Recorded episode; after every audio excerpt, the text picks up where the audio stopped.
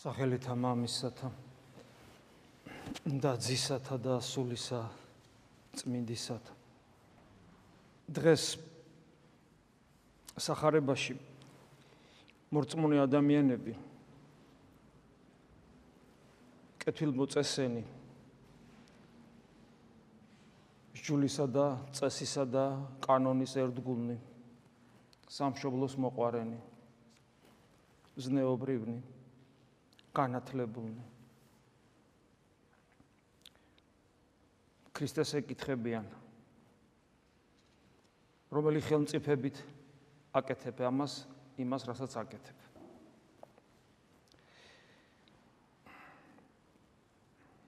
ანუ რა ძალაუფლებით ანუ რა ძალით? ანუ რა უფლებამოსილებით და ასე შემდეგ. და გახსოვთ უფლის პასუხი, რომელიც ერთგვარი განაჩენად განაჩენად ჟღერს მათთვის.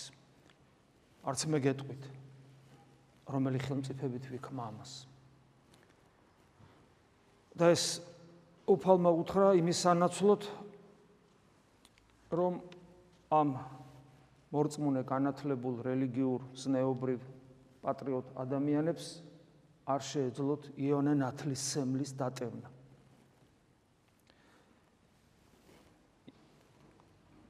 იონე ნათლისმცემლის სიტყვების დატევნა, როდესაც როცა ის ამბობს, რომ შეინანეთ რამე თუ მოახლოებულ არ სასუფეველიცად.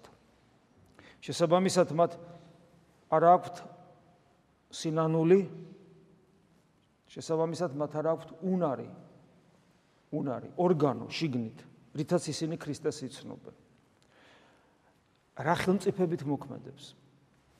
ქრისტეს ცნობა ორი მიმართულებით არის ჩვენ უნდა ვიცნოთ იგი როგორც ღმერთი და ამავე დროს როგორც ადამიანი. თუ ჩვენ ვცნობთ მას როგორც ადამიანს, ადამიანი იყო ასეთი. ეს არაფერს ნიშნავს აბსოლუტურად. და თუ ჩვენ დღევანდელ განსაკუთრებულად დღევანდელ ადამიანებს, რომლებსაც თვალით არ გვინახავს უფალი, გვაქვს ეს რაღაც ბუნდოვანი რწმენა მისი ღმერთობისა, მაგრამ არ ვითვალისწინებთ რომ ის ადამიანია. ჩვენი რწმენა მკვდარია. იმიტომ რომ ჩვენ არ გვექნება ადამიანისადმი სწორი დამოკიდებულება. ადამიანისადმი ჯანსაღი დამოკიდებულება და უფალი მოგკითხავს ამას.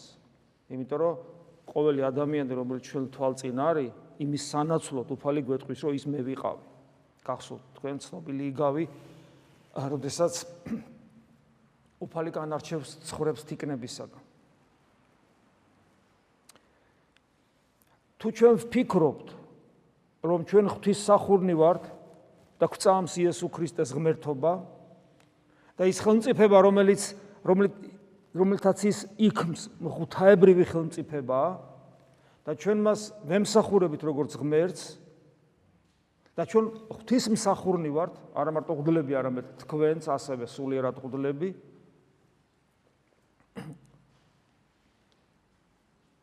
არასოდეს უნდა დაგვავიწყდეს რომ უფალმა თქვა რომ ღვთის სიყვარული რომელიც ცნება ამ ცნებასთან ერთად არის მსგავსი ამ ცნებისა სიყვარული მოყვასისა ქრისტიანული ღვთისმსახურება ითვალისწინებს მოყვასისადმი ფაქის დამოკიდებულებას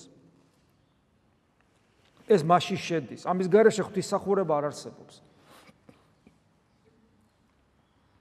ეს ძალიან მნიშვნელოვანია რომ გვახსოვდეს. იმიტომ რომ ჩვენ ეკლესია ვართ, ეკლესია, ანუ ერთნი ვართ, ბევრნი ვართ და ერთნი ვართ. ეს თუ დაიკარგა, ეს სერიოზულ პრობლემებს შეგვიქმნის. ეს ხათაშორის სინანულის ერთ-ერთი სინანულის დეფიციტის ერთ-ერთი ნაყოფია შეიძლება ასე ითქვას, ვერ აღქმა და ვერ განცდა იმისა, რომ ღვთისახურება მოიცავს, შეიცავს თავის თავში მოყვასისადმი განსაკუთრებულ დამოკიდებულებას. აი ამის ვერ განახვა. ღვთისახურება, ქრისტიანული ღვთისახურება შეიცავს ეკლესიის სწორ ხედვას და სწორ განცდას. რა თქმა უნდა, ასევე შეიცავს ღვთისადმი სწორ დამოკიდებულებას. სინანული წინ უსწრებს ქრისტეს ქრისტიანობას, ქრისტეს ხედვას, როგორც ღმერთ კაცისა. არა მარტო ღმერთისა, არა მარტო კაცისა, არამედ ღმერთ კაცისა. აი ეს აბსოლუტურად ლოგიკურად მოუხელთებელი რეალობა. აი ამ ლოგიკურად მოუხელთებელ, მიუხვედრებელ ჩვენი გონებისათვის მიუღებელ რეალობას, სამყაროსათვის მიუღებელ რეალობას თუ გინდა რომ თვალი გაუსწორო და თუ გინდა რომ დავინახოთ და განვიცადოთ და მივიღოთ და გავითავისოთ და ჩვენად ვაქციოთ, ამას წინ უსწრებს სინანული. შეინანეთ რამე თუ მოახლოებულ არ სასופველიცად. სინანული არ არის როგორი განათლებულიც არ უნდა იყოს. როგორი ჟულში განსწავლული არ უნდა იყოს და დოგმატურ ღვთისმეტყველებაში სუროფრიადები გქონდეს. როგორი კარგი მოქალაქეც არ უნდა იყოს, როგორი კარგი ადმინისტრატორი ადმინისტრატორიც არ უნდა იყოს, როგორი როგორი ზნეობაც არ უნდა გქონდეს, როგორც არ უნდა ტას გიკრავდნენ, შენ ქრისტეს ცნობელი ვერ ახარ, არ შეიძლება ვერ ვერ გაქვს, არ გაქვს უნარი ქრისტეს ცნობელობის. რაც არ უნდა ქრისტეს სახელით ქრისტე ქრისტიანი იყო, მოკლედ ქრისტიანი იყო. იმიტომ რომ ნუ აქ ხარ და საქართველოსში ხარ და შეიძლება სასულიერო პირიც იყო და ვერ იქნები ქრისტიანი, ვერ იქნები, თუ არ არის სინანული. იმიტომ რომ ვერ დაინახავ ღმერთ კაცს, ანუ ვერ განიცდი საიდუმლოებას, რომელსაც ღმერთ კაცობა ქვია. ეკლესიის ისტორიაში გადავხედოთ. სულ ეგ არის. სულ. თელი ეს ერესების ისტორია. სულ ეგ არის. ვერცნობა ღმერთკაცისა. ვერცნობა ღმერთკაცისა ჭკვიანი ადამიანების ყველა ერესიარხი ვინც ქმნიდა ახალ მოძღვრებას ეკლესიის წიაღში ყველა აბსოლუტურად ყველა იყო განათლებული ადამიანი უნიჭიერესი ადამიანები იყვნენ მათ შორის ძალიან ბევრი ზნეობრივად გაწონასწორებული და წესიერი ადამიანები იყვნენ გულმხურვალენი ტერტულიანე გამახსენდა. უგულმხვარ უგულმხურვალესი ადამიანი იყო სარწმუნოებისათვის. ორიგენე გამახსენდა, ბრძენთა ბრძენი, მოძღვართ მოძღვარს უწოდებდნენ. არიოზი გამახსენდა, უნიჭიერესი, ის ჩოლებრად კი არ წოდა, სულ შედევრებს ქმნიდა პოეტურს. რომელი ერთი პატრიარქები, მათ შორის კონსტანტინოპოლის პატრიარქი. რომელი ერთი ვთქვათ ჩვენ აი ესეთი ადამიანები იყვნენ ისინი ვინც ვისაც არ ქონდათ უნარი ქრისტეს დანახვისა ანუ უფალი აი ეს რო წარმოვიდგინოთ მათ თითქოს ეუნება არ გეტყვით რომელი ხელმწიფებით ვიქმა ამას იმიტომ რომ თქვენ არ გინდათ გაიგონოთ იოანე ნათლისმცემლის სიტყვები შეინანეთ რამე თუ მოახლოებულ არ სასופველიცად ეს პრობლემა მთელი სისავსით არის ჩვენს ეკლესიაშიც. მთელი სისავსით. ადამიანი დაწყობილი ნათლობიდან ჩვილის ნათლობა იქნება თუ დასრულის ნათლობა იქნება. აი თქვა წარმოიდგინეთ დასრული ადამიანი. ადამიანი ინათლება.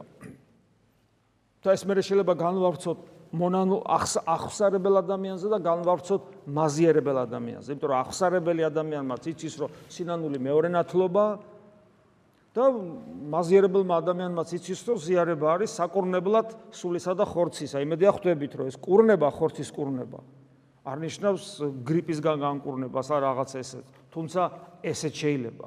მაგრამ ეს უპირველეს ყოვლისა ნიშნავს ნებებისაგან განთავისუფლებას. ანუ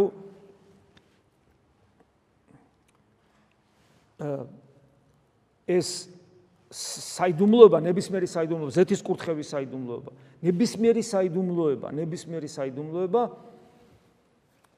ეს არის ადამიანის ბუნების განწმენდა. მათ შორის პირველ რიგში ნათლობა. განწმენდა ცოდვისგან. ხშირად გვითხოვს, რომ განწმენდა ცოდვისგან ცოდვიდან ამოსულა, დაცემული ბუნები და გათავისუფლება. ეს არის უარყოფითი მდგენელი სულიერი ცხოვრებისა, მათ შორის ნათლობისა და საიდუმლოებისა. ნებისმიერი საიდუმლოების. უარყოფითი მდგენელი. ანუ მინუსებიდან, უსასრულო მინუსებიდან ადამიანი ამოდის ღვთის მადლით. მაგრამ ეს არ არის საკმარისი. და ძალიან ხშირად პრაქტიკაში სულიერი ცხოვრების პრაქტიკაში სულ ეს არის ადამიანი მუდამ აქვს ჩაციკლული, რომ ებრძვის რაღაც თავის თავში ნებებს ეს კარგია. კარგია. თვით თვით დისციპლინას ეწევა. მაგრამ მას გონია რომ ეს არის ქრისტიანობა. ეს არ არის ქრისტიანობა. ეს არის უარყოფითი მდგენელი ჩვენ სულიერ ცხოვრებაში, რომელიც ახასიათებს მაგალითად ბუდიზმსაც და საერთოდ ნორმალურ ზნეობრივ ათეისტსაც, იმიტომ რომ ყველა ადამიანი მეტნაკლებად ცდილობს, რომ იმ კულტურის სივრცეში ნორმალურ ადამიანად გამოჩნდეს, რომელ კულტურაში ის იმყოფება და ესე იგი ზნეობრივად ჩანდეს. როდესაც არ არის დადებითი მდგენელი და ქრისტიანი ისე ისე ისე ისე ინათლება ისე მიროს ისე იწખებს ისე ამბობს ახსარებებს ისე ეზიარება რომ დადებითი მდგენელის განცდა არ არის.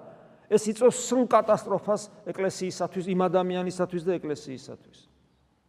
იმიტომ ეს ადამიანი ვერ ყალიბდება ქრისტიანად. ნომინალურად ხდება ეკლესიის ნაწილი ეკლესიის წევრი ნომინალურად ასია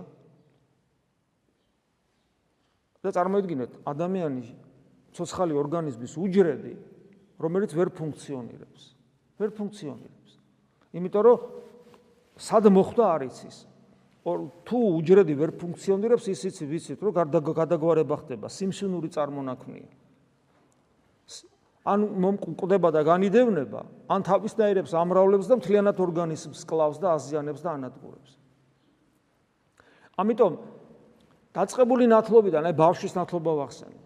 ჩვენ ეს ბავშვი უნდა მოინათლოს, აბა რა უნდა ვქნა. კი, მაგრამ ბავშვო ნათლავ. აღთქმას ხო მაინც, ანუ აღთქმა რო არა, აღთქმას რო არავინ არ დებდეს, ეკლესიის ტრადიცია რო იყოს 2000 სლოვანი, რომ ბავშვი უნდა მონათლო ყოველგვარი აღთქმის და ნათლის და ანუ მიმქმელის გარეშე პრობლემა არ არის. ეს რო ასე იყოს, პრობლემა არ არის, ესე იგი რაღაც წინა მამება ალბათ ესე ალბათ ესეა საჭირო. ჩვენ ესე ხო არ ვაკეთებთ. ჩვენ ხო აღთქმას ვადებინებთ ნათლიებს. და მშობელი ხო არის პასუხისგებელი წმინდა მამათა სწავლებით იონო ქროპირი ამბობს რომ შვილს შვილს თუ არაქრისტიანულად აღზდი შენ შვილის მკვლელი ხარ ხორციელ მკვლელზე უარესი მკვლელი ხარ იმიტომ რომ მის სულს კლავ ანუ ხო არის პასუხისგებელი ვიღაც დასრული ადამიანი ამ პატარა ბავშვზე და როცა არავინ პასუხისგებელი არ არის როცა ეს აღთქმის დადება სრულთა ფორმალიზმია. კითხვა მიჩნდება რომ ამ ბავშვს რო მეორე შობაში ვეხმარებით ღვთის მიერ მეორე ჩობილი ადამიანი საკვებს არ საჭიროებს ის ახალი ადამიანი ამ მასში არსებული საკვებს არ საჭიროებს ხო საჭიროებს საკვებს? ანს დასრული ადამიანების დათლობა რო ხდება საერთოდ მომზადებელი. და უკეთეს შემთხვევაში თქვა დაუშვათ რომ ადამიანს უთხრათ რომ ეს ცოდვილი ცხოვრება უნდა დატოვო და ახლა შენ უნდა მოინათო. და რას ნიშნავს ეს ან თუნდაც თქვა ნომინალურად მიეტევებოდეს მისტიკურად მიეტევებოდეს მას წარსული ცოდები. ეს თვითონაც რო არიწოდეს ეს ღაპარია ზოგადად. არაფერის მიტევება არ ხდება თუ ქრისტესთან თანამშრომლობა არ ხდება თანამშრომლობით ხდება ყველაფრის მიტევება. მაგრამ აი დაუშვათ და რას ნიშნავს ის ხო პიროვნულად იგივეა. და ერთ-ერთი თანამედროვე ღვთისმოწყალე ძალიან მოსწრებულ რამეს ამბობს. ყოველი ადამიანი რომელიც აი ამ დადებითი მდგენელის გარეშე, მხოლოდ უარყოფითი მდგენელი. უკეთეს შემთხვევაში შეიძლება უარყოფითი მდგენელიც არ კონდეს. ანუ ცოდვასთან ბრძოლა. და თუ დადებითი მდგენელი არ აქვს, ხო თუ უარყოფითი აქვს და დადებითი არ აქვს, მაინც საშნელი მდგომარეობა. ანუ თუ რეალურად არ იცის რისთვის მოინათლა და რისთვის გახდა ორგანული ნაწილი ეკლესიისა. თუ ეს არაფერი არ არის, და და ნათლობის შემთხვევაში ჩვენთან ის უარყოფითი მდგენელიც არ არის. იმიტომ ადამიანმა საერთოდ არ იცი რატო ხდებიან ეკლესიის ნომინალური წევრები. ეს ადამიანებია, ცოცხალი ორგან, ცოცხალი უჯრედები კი არ ხდებიანო იმ ორგანიზმისა, რომელსაც ქრისტეს სხეული ქვია. არამედ ამ ორგანიზმში, ანუ ქრისტეს სხეულში ჩაჭედებული ლურსმნები არიან. იცით როგორ გულზე მომხვდა ეგ სიტყვები? მართლაც ესეა. ლურსმან აი ოჯახში წარმოედგინეთ აი ოჯახი თქვა აი 800-იანი 1000-იანი კარგი ოჯახი და ერთი გამოერია რა ერთი გამოერია რომელიც იქ ნარკომანობს, ქურდობს, თამაშობს შესაბამისად ოჯახი და რაღაცებს ნუ ერთი ურევს ან მემთრალეობს. აი ის ის ორგანული ნაწილი არ არის ამ ოჯახის ის ხო მართლა ლურსმანივით არის აი ამ აი ამ ოჯახის ერთი ხლიან ორგანიზმში ჩარჭობილი ლურსმანით მტანჯველი ლურსმანივით ესე ხდება ადამიანი, რომელიც სამრელო ცხოვრებაშია და არ უნდა მას, არ ვერაცნობიერებს რისთვის არის. ესეთი ადამიანის ლურსმანივით არის. და თუ ესეთი ლურსმანები ბევრნი ვარ, წარმოგიდგენია ჩვენი ეკლესია რა დღეში იქნება. და თუ ასეთი ლურსმნები მღვდლებიც ვარ და მე თუ ესეთი ლურსმანი ვარ და არა ორგანული ნაწილი, არამედ ამ ქრისტეს ხელს ჩაჭედებული ლურსმანი, გესმით რომ მე მხოლოდ ვაზიანებ ქრისტეს ხელს, კიდევ ერთხელ ტანჯავ უფალს. აი ეს ხდება. ეს ხდება სინამდვილეში და ამიტომ არის რომ არ მესმის რატომ მოვიდა უფალი ვინ არის იესო ქრისტე? და რა ხელმწიფებით იქმა ამ იქმს ამას? მისი ღმერთობის მისი ღმერთობის გათავისება ჩემს მიერ არ ხდება. და ვერც მისი ადამიანობის გათავისება არ ხდება. შესაბამისად ჩემი ევქარისტიულ მსახურებაში მონაწილეობა ტყუილი ხდება იმიტომ რომ რას ვეზიარები ვის ვეზიარები რატო ვეზიარები? რა პასუხისგებლობას ვიღებ აქედან რატო ვეუბნები ღმერთს მამას აბსოლუტურად ჩემთვის ეს თემები დახურულია. აბა მაშინ რას ვაკეთებ? ჩვეულებრივი წარმართება. რა არის წარმართობა? რაღაც რელიგიური კულტი? კერპები არ არის, მაგრამ წმინდანები გადავაქციე კერპებად, მხოლოდ მიწიერი ინტერესები და მიწიერი სათხო არის, სხვა საერთოდ არ მაინტერესებს. და არც კი ვიცი ესა. სიკვდილის მეშინია ჩვეულებრივი ცხოველივით. და ამ ცხოვრების გარდა არათუ არ ვიცი რომ რამე ცხოვრება არსებობს. ერთადერთი ცხოვრება არსებობს ამ ცხოვრების გარდა. ეს არის ქრისტე, ანუ ღმერთი. მე ვარ სიცოცხლე ამბობს, მაგრამ მე ეს არ ვიცი. უბედურება ის არის რომ არც მაინტერესებს და ჩვეულებრივი აბსოლუტურად არჩევი მენტალიტეტი არ განსხვავდება არანაირად უწმუნო ადამიანისაგან ერთადერთი განმასხვავებელი არის ის რომ ესე იგი მე ვიცი რომ ღმერთი არის და მინდა გამოვიყენო ის ჩემი ინტერესებისათვის მორჩა მეტი არაფერი და კიდე უწმუნოს წინაშე თავი მოვიწონო იმიტომ რომ ცოტათი თვით დისციპლინას მიჩვეული ვარ.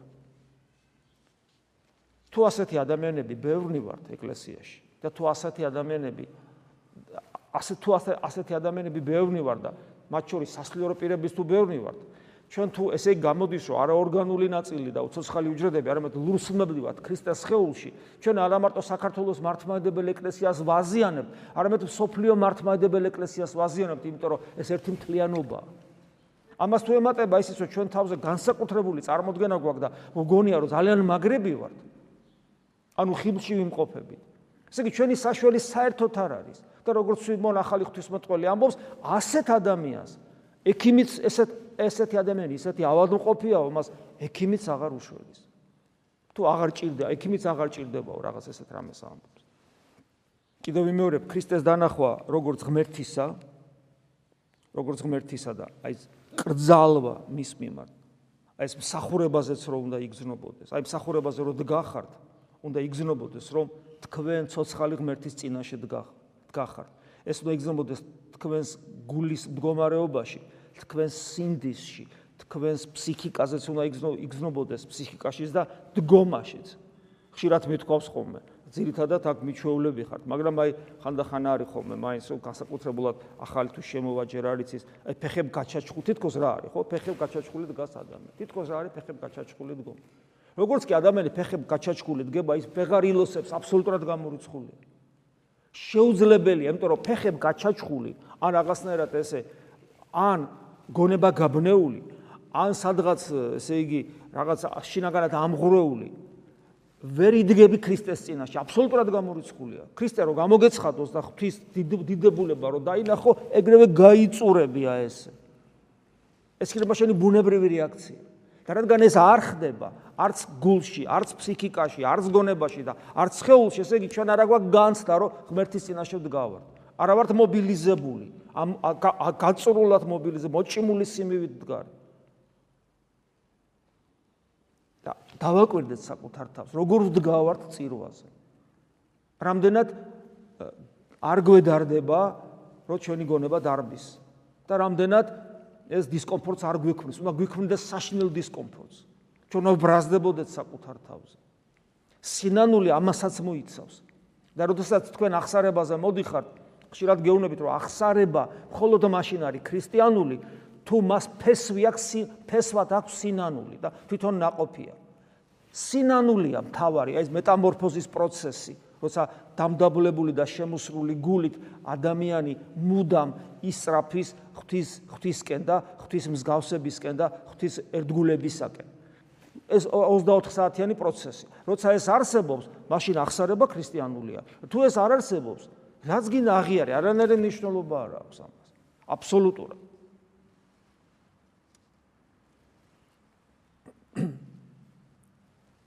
და აი, როდესაც საუბრობთ სინანულზე და აღსარებაზე, სინანულზე, რომლიდანაც ეს აღსარების ناقოფი უნდა იყოს ამოზრდილი. ჩვენ საინტერესოა რომ აი დღევანდელი მაგალითად 60 ხოლო იაკობ მოციქულის ეპისტოლე წავიკითხეთ.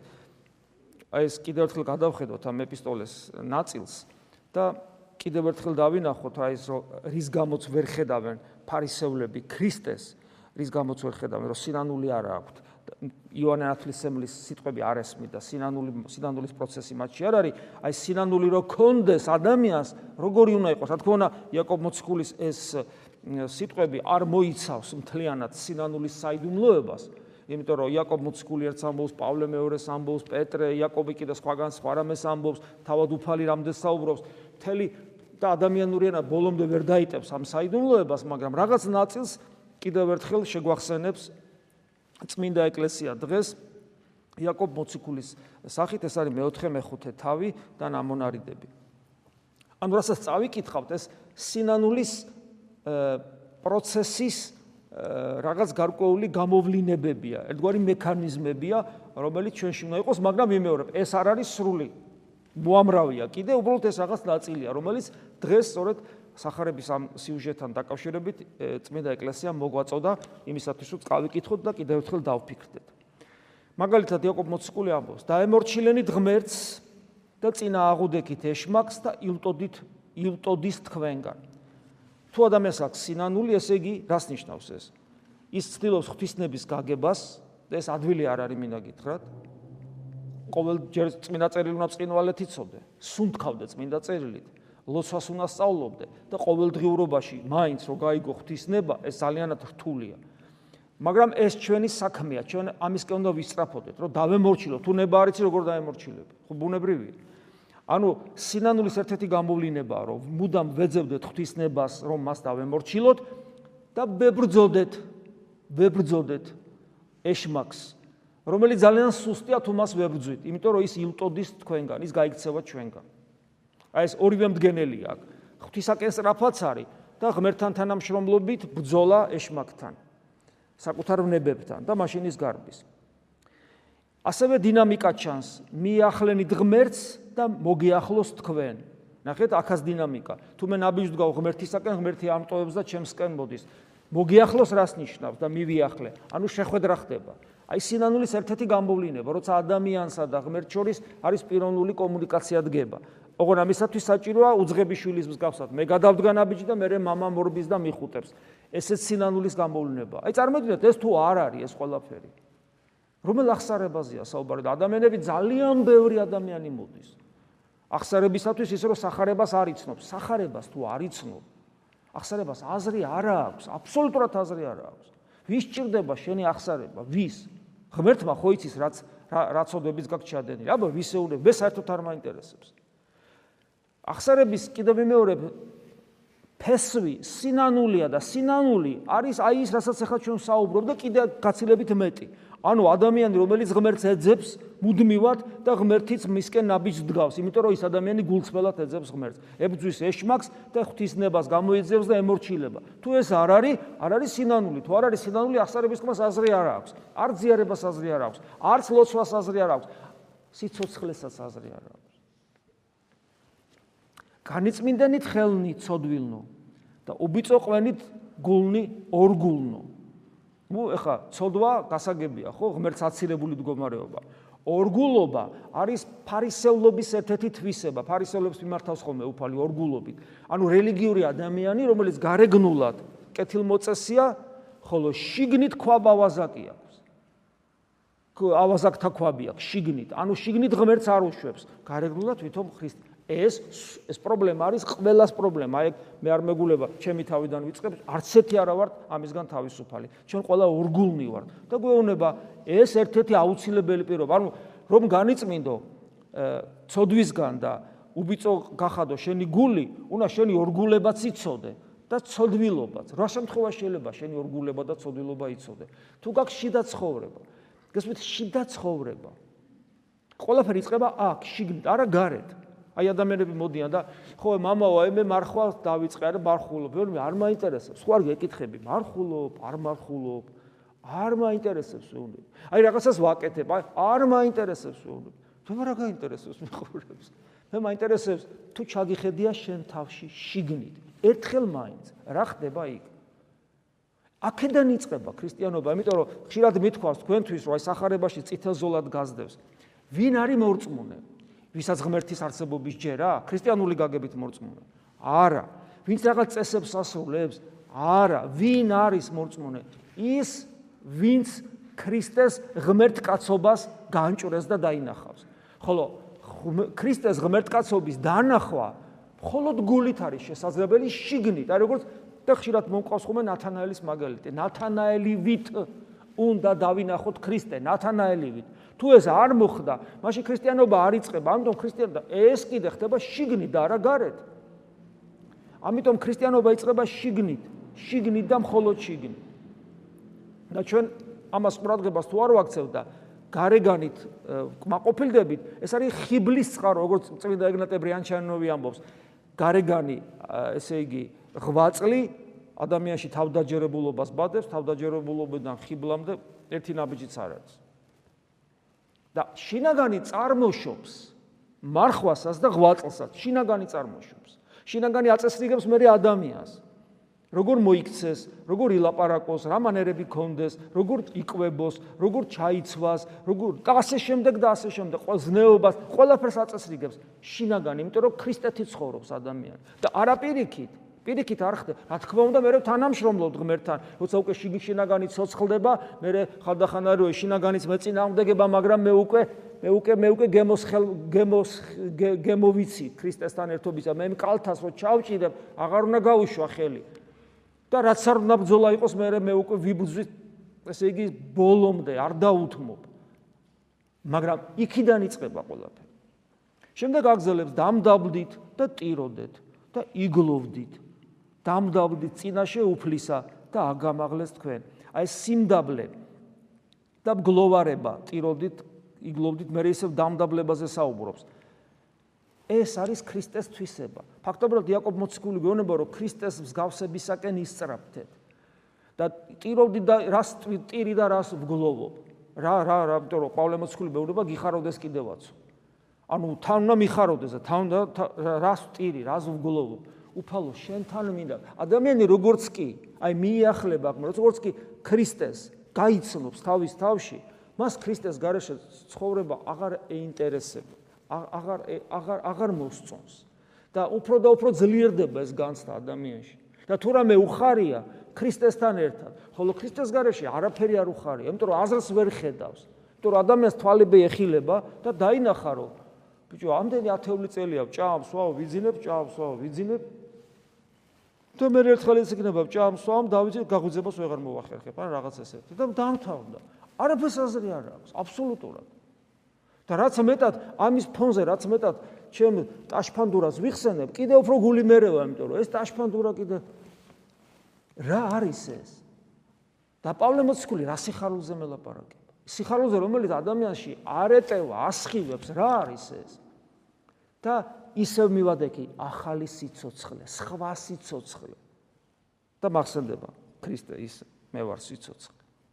მუძურ სიტყვით ძმანო ჩემნო ურთიერთას, რომელიც ძვილს იტყოდეს ძმისათვის, განიკითხვიდეს ძმასათვის. თუ ასე ვცხოვრობ და თუ მე ქრისტე მენატრება და იმიტომ რომ ჩემ გულში ეხო და მის გარეშე ცხოვრებას და და რატოლტილი კიდე იმიტომ რომ კი მენატრება, მაგრამ ვინ მიშვებს რო და ვინ მიშლის? საკუთარი თავი. მხოლოდ ხოლოდ საკუთარი თავი, აი სუროხ ხასუზა, ვისიქასტური პრაქტიკა, ისიქასტური პრაქტიკა, ილოცეთ, ღამეთ, სიბნელეში დაჯექით. რატო? გაიცანით საკუთარი თავი, გაიცანით. რო გიჭირთ და რომ მაინც გაიჭირო და მაინც აკეთებ, რას აღმოაჩენ პირველ რიგში, რას რას პოულობ. ბიჭო, შენ კი გინდა ქრისტე, მაგრამ მინდა, მინდა, მინდა კარგია. ეხლა მე მინდა კოსმონავტობა, მაგრამ გამომივა. ა გესმის, რას პია გინდა? მაგრამ არ გამოდის. არ გამოდის და მორჩა. და როცა არ გამოდის, ეხლა მე შემილია შენ განგიკითხო. შენ რაღაცა შენი შენში რაღაცა არ მომწონს. შენში რაღაცა არ მომწონს. კი, მაგრამ მე როგორ უნდა განგიკითხო შენ? როდესაც მე პრობლემა მაქვს სერიოზული. იმიტომ რომ მე თავარი არ ჩემთან არ გამოდის და რა მნიშვნელობა აქვს ახლა? შენ რაღაც არ გამოგდის, მე რაღაც არ გამოგდის. ამიტომ განგკითხვა და ძვირის თქმა, ანუ საჯულის პოზიციაში ყოფნა, ეს ერთ-ერთი ნიშანია, რომ ჩვენ სინანული არ აგვაქვს. და მე გვაფრთხილებს კიდევ იაკობ მოციქულო, ერთია ჯულისდებელი და გამკითხველი, რომელიც შემძლებელ არ ცხოვრება და წარწმედად, შენ ვინ ხარ, რომელიც განიკითხავ მოყვას, ანუ საჯულის პოზიციას რატო ირგებ? мотивация ადამიანის ქმედების არ ვიცი. ჩვენ შეიძლება როცა თქვა აი აი ძმები ვართ, დაძმანი ვართ, ხო? ჩვენ ძმის დის რაღაც არ მოგვიწონოს საქციელი. თუ გიყვარს, შენ ყველაფერს გააკეთებ იმისათვის, რომ მას ამას ისე ეტყვი, რომ ეცდები რომ მას გული არ ატკინო, მაგრამ მან რაღაც შეცვალოს. და თუ იცი რომ ამას ვერ ახერხებ, იმიტომ რომ არც სიფაქიზე ყოფნის ისე უთხრა რომ არ ატკინო. შენ განკითხვაში ჩავარდები, გესმის? ან ის ვერ გაიგებს, მაშინ ისთვის ლოცულობ. თუ არც ლოცულობ, თუ ესე იგი მსაჯულის თუ გონია რომ მაგაზე კარგი ხარ, თუ მაგარი ტიპი ხარ უფრო მაგაზე, ეს უკვე განკითხვაში გაგდებს. უფლება არ გვაქვს. არა გვაქვს ამის. ეს მიანიშნებს ჩვენს სინანულის დეფიციტზე. არიცით რა გელით ხვალ, ეს ძალიან საინტერესოა კიდე. ჩვენ როგორ ვაწყობთ ჩვენ ცხოვრებას, რომ ამპარტაუნულად, რომ აი ეხლა მე გეგმები მაქვს ასე ვიზა, ვისე ვიზა. არიცით რა გელით ხვალ ვინაიდან რა არის თქვენი სიცოცხლე? ნისლი, რომელიც წამით ჩანს და მსრაფ განქარდება. ნაცვლად იმისა, რომ გეთქვათ, უფალი თუ უფა ესეთი სიუჟეტია მე სულად ხوار წავიკითხავდი, რომ ეხ ვიღაც ამბობს, რომ მე წავარ ხე იმ ქალაქში და რაღაც საქმეს გავაკეთე. და ამის გეგმავს ადამიანი. და მე იაკობი გეუბნება, რომ მოციქული რომ ნაცვლად იმისა, რომ გეთქვათ, უფალი თუ ინებებს, ვიცოცხლებთ და ამას და ამას ვიზამთო, თქვენი ქედმაღლობის გამო იქადით, მაგრამ ყოველივე სიქადული ბოროტება, გახსოვთ თვითონ უფლის იგავი, რომ კაცი რომ გამდიდრდება და ეხლა ჭამესვი მრავალი წელი გაიხარეო და ხვალე მოკვდებიო და ვის უტოვებ? ანუ ადამიანი რომელიც ასე საზღვრავს სიქადულით, ანუ ამპარტავნებით. აი ამაზეა საუბარი. აი აქაც რა ჩანს? სინანულის დეფიციტი ჩანს. ანუ ადამიანი ვერ ხვდება რეალობას, რომელიც არის თვითონ და რომელშიც იმყოფება. ანუ მას არ აქვს შიდა ცხოვრება. ადამიანს შიდა ცხოვრება რო აქვს, ის ესეც სისულელებს, ესეც სისულელები მას არ ემართება. ესეთი უგუნურება მას არ ემართება. ის აბსოლუტურად პრაგმატულად უყურებს თავის თავს. მან გააზრებული აქვს ამ ცხოვრებისეული რეალობები, ღირებულებები, სინამდვილე და ასევე გააზრებულად მის ისრაფის ღვთისაკენ. და ამიტომ ესეთ ტაშფანდურას ის არ ეწევა. ასეთ ასეთ სულელურ გეგმებს თავის თავზე დაყრდნობით არ სახავს. რასაც სახავს, რასაც აკეთებს, ის ღმერთთან ერთად აკეთებს. მხოლოდ ღმერთთან ერთად. ადამიანი ხშირად მithქვავს, დილას რო იღრძებ და გადიხარ, მიდი უფალთან. წარდექი უფლის წინაშე და თქვი რომ უფალო, შემეწიე რომ მე დღეს შენი ნებით ვიცხოვრო. რომ შენ ჩემი ქმედებები საქციელი შენ ნება სათნო ეყოს, ხოლო რაც შენი ნების გარეშე იქნება. და მე მოვინდომებ, არ გამოვიდეს უფალო არაფერი, გევედრები. თაყვანიეცი უფალს და გადი ასე გარეთ. იცოდე რომ თუ შენი სიტყვა გულწრფელია, უფლის ნების აღსრულებელი იქნები ყოველ დღეში. და ყოველ საღამოს მშვიდად დაიძინებ დამშვიდებული სინდისით და გექნება სიხარული ღმერთის შენთან ყოფობისა და ღამე რო წამოდგები და თუ რამე გექნება არა ღმერთის ღვთისათვის არ მოსაწონი ამასაც იგზნობს შენი გული და სინანულსაც მოქცევს და ღამე რო წამოდგები თუ გამთენისას რო წამოდგები ლოცვაზე, გახსოვდეს რომ ლოცვა გამოგივა, ანუ გამოგივა რას ნიშნავს? გამოგივა ნიშნავს იმას, რომ ბრძოლა გამოგივა ლოცვაში. ბრძოლა, ბრძოლის უნარი გექნება და სულ მოკლეობით არ შეწყვიტავ დროზე ადრე ლოცვას. აი ამას გულისხმობ.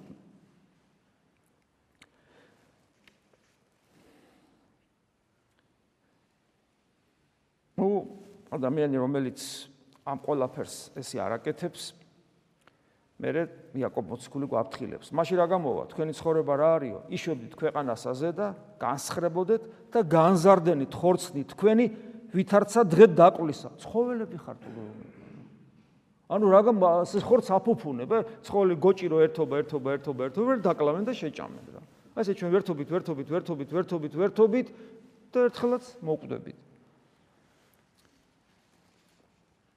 მე საუბრობს ადამიანთან ურთიერთობაზე დასაჯე და მოკალთ მართალი, ანუ მონანული ადამიანი, როგორც ვიხართ, ფაქიზი დამოკიდებულება აქვს ადამიანის მიმართ. სულგძელი ქენი ძმაო ყოველას მიმართ და საკუთარი თავში სულგძელება გქონდეთ, რომ ეს სულგძელება, ღვთაებრივი სულგძელება იყო ღმერთსაც ნუ ეწუწუნებით და ადამიანის მიმართაც ამგვარად იყავით და მე უკვე შემოდის ეს ესქატოლოგიური განცდა. ესქატოლოგიის გარეშე ქრისტიანი არ არსებობს. ქრისტიანი, რომელიც არ ფიქრობს უფალთან შეხვედრაზე და უფლის დაბრუნებაზე, ეს ქრისტიანი არ არის. ოღონ არა ისე, როგორც ხშირად ყოველთვის ვამბობ ხოლმე, რომ აბა ანტიქრისტე და აბა ბეჭედი და აბა შტრიხკოდი და აბა ჩიპი და აბა ვაქცინა და აბა აცრა და აბა მასონი და შეშლილებს ვემსგავსებით ხანდახან. ქრისტეს გარდა არა ყველაფერია ჩვენ თავში და ყველაფერს გვეშინია. და კომიკურ სიტუაციაში ვარდებით, კომიკურ სიტუაციაში. და ნამდვილი ესქატოლოგია, აი, სუგზელი ქენით უკვე ზმანო, ვიდრე მოსვლამდე უფლისა. განიმტკიცენით გულნი თქვენი რამე თუ მოსვლა უფლისა მოახლოებულ არს. ნუ რა ქვია თუ გეშინიაო გეუბნება, განიმტკიცენით თქვენი გული. ჩვენ ყველაფერზე ვსახსახებ. და ნუ სულ ითქვამთ ზმანო ურთიერთას, ანუ ურთიერთს ერთმანეთს ნუ ტანჯავთ. რათა არ განიკითხნეთ. აჰა, ესე გამკითხველი წინაში კარტა დგას. ანუ ესქატოლოგია, ანუ უფალი მალე მოვა, აი მოლოდინში ვართ ჩვენ. არ ვიცით როდის მოვა, მაგრამ ეს მოლოდინში სულ ვართ. მაგრამ ამავე დროს ისი როგორც ღმერთი მუდამ ჩვენი გულის კარებთან დგას. აი ამ ყველაფერი განცდის გარეშე არ არსებობს სინანული, არ არსებობს სინანული და ჩვენთვის შეუძლებელი იქნება იესო ქრისტეს როგორც ღმერთკაცის ცნობა.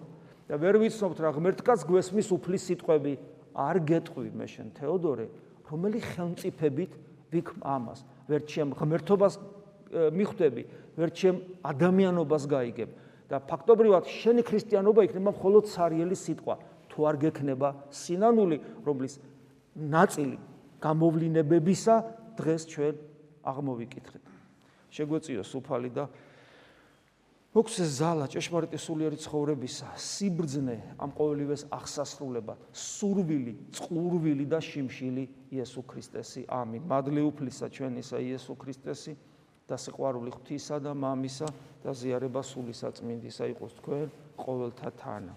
ამინ.